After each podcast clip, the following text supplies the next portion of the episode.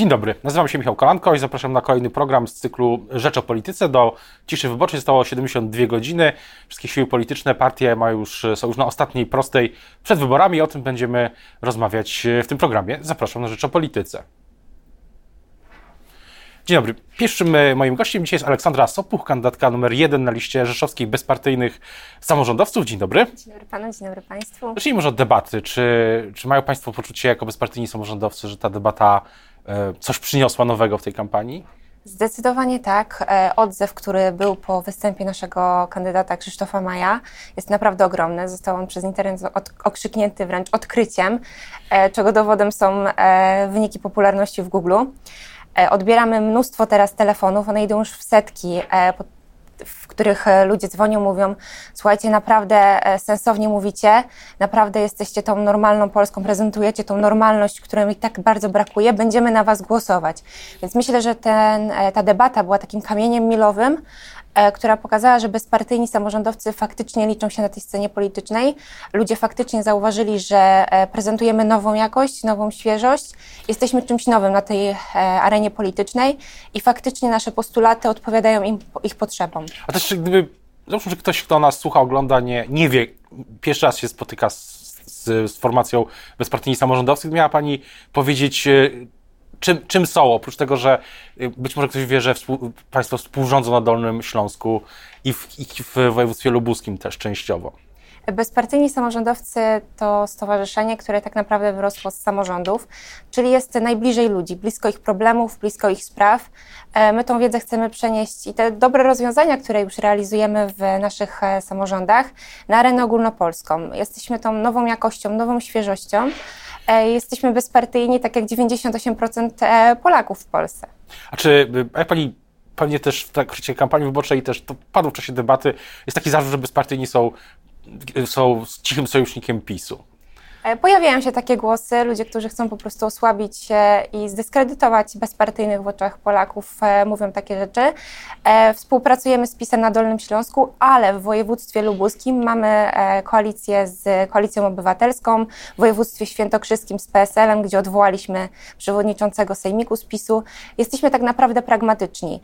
Nie interesują nas wojenki, spory i kłótnie. Współpracujemy z formacjami, które realizują nasze postulaty, czego przykładem przykładem jest na przykład Dolny Śląsk, e, w którym e, przejmujemy linie kolejowe, e, budujemy nowy szpital onkologiczny, czy województwo lubuskie, gdzie współpracujemy z Platformą Obywatelską.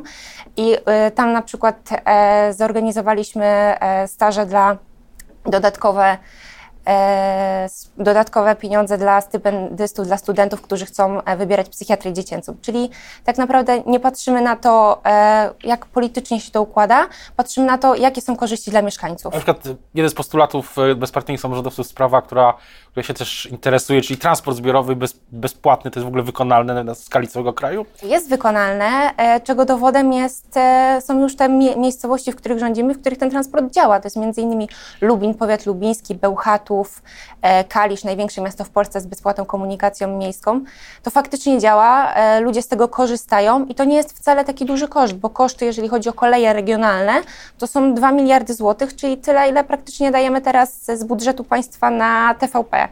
A na przykład e, też pytanie o motywację, bo to jest zawsze pytam osoby, które kandydują, zwłaszcza po raz pierwszy, dlaczego, dlaczego kandydują, dlaczego pani się zdecydowała na kandydowanie i to też od razu trzeba powiedzieć, że daleko od swojego od Wrocławia.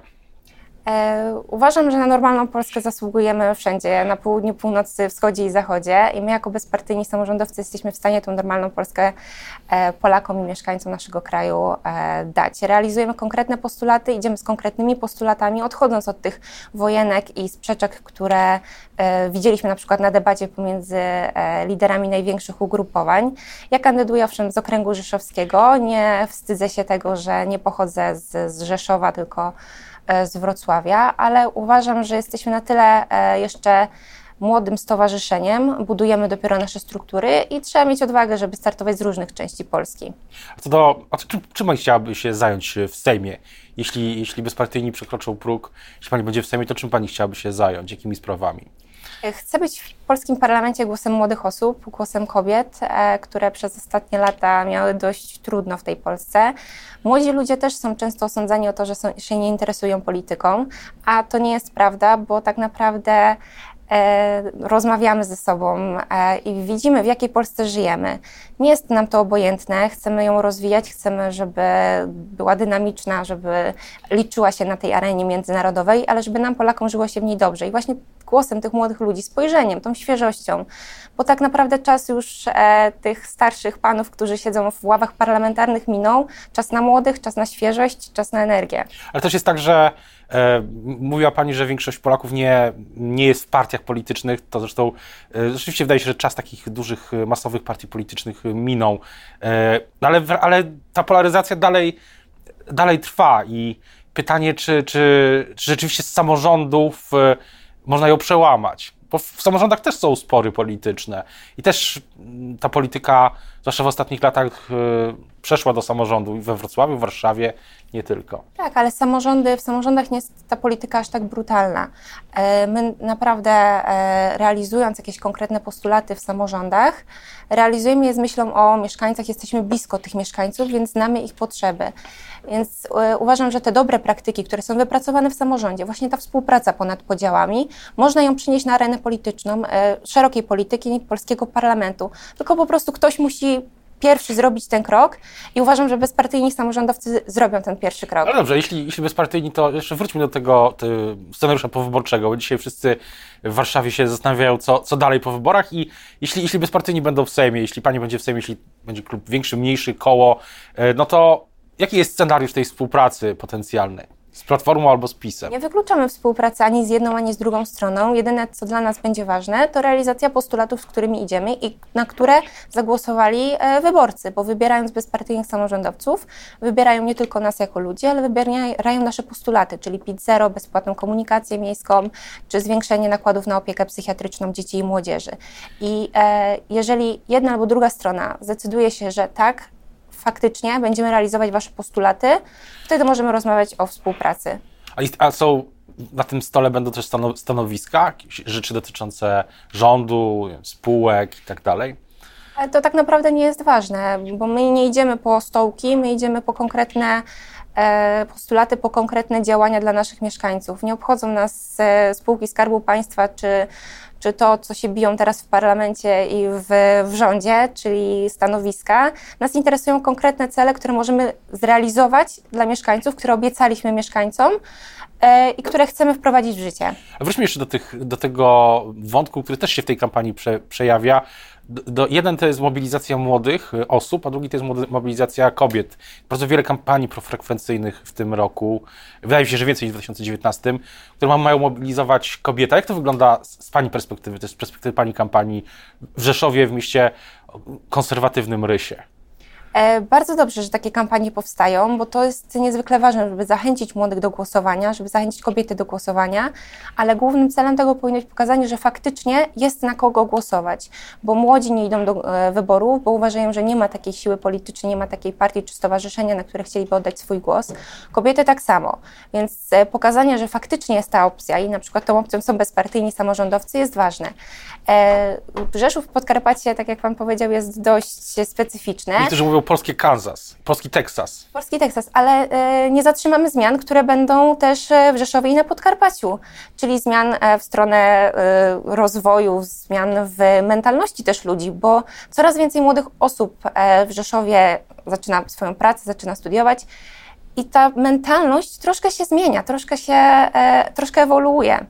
Co do y, młodych, to jeszcze ciekawy wątek. W tym, w tym tygodniu rozmawiałem, rozmawiałem z jednym z polityków Konfederacji, który powiedział mi, że jego zdaniem, i też to podobno wynika z niektórych badań, że młodzi ludzie e, są teraz, wbrew tym dyskusjom też w mediach społecznościowych, bardziej konserwatywni niż, niż wcześniej, że jest taki zwrot konserwatyzmowi, a pani to widzi u siebie, swoich rówieśników? To zależy, co pan z Konfederacji miał na myśli, mówiąc konserwatyzm, bo jeżeli e, konserwatywne myślenie e, to myślenie, w którym kobieta jest e, dobytkiem albo kobieta nie powinna mieć prawa głosu, to uważam, że pan powinien troszeczkę zmienić bardziej, bardziej chodzi... młodych, z którymi rozmawia i wyjść spoza swojej bańki Konfederacji. Ale też bardziej takie, a też podejście do gospodarki i taki odwrót od tego, od progres, takiego turboprogresywnego myślenia. To, to, był, to mój rozmówca miał na myśli.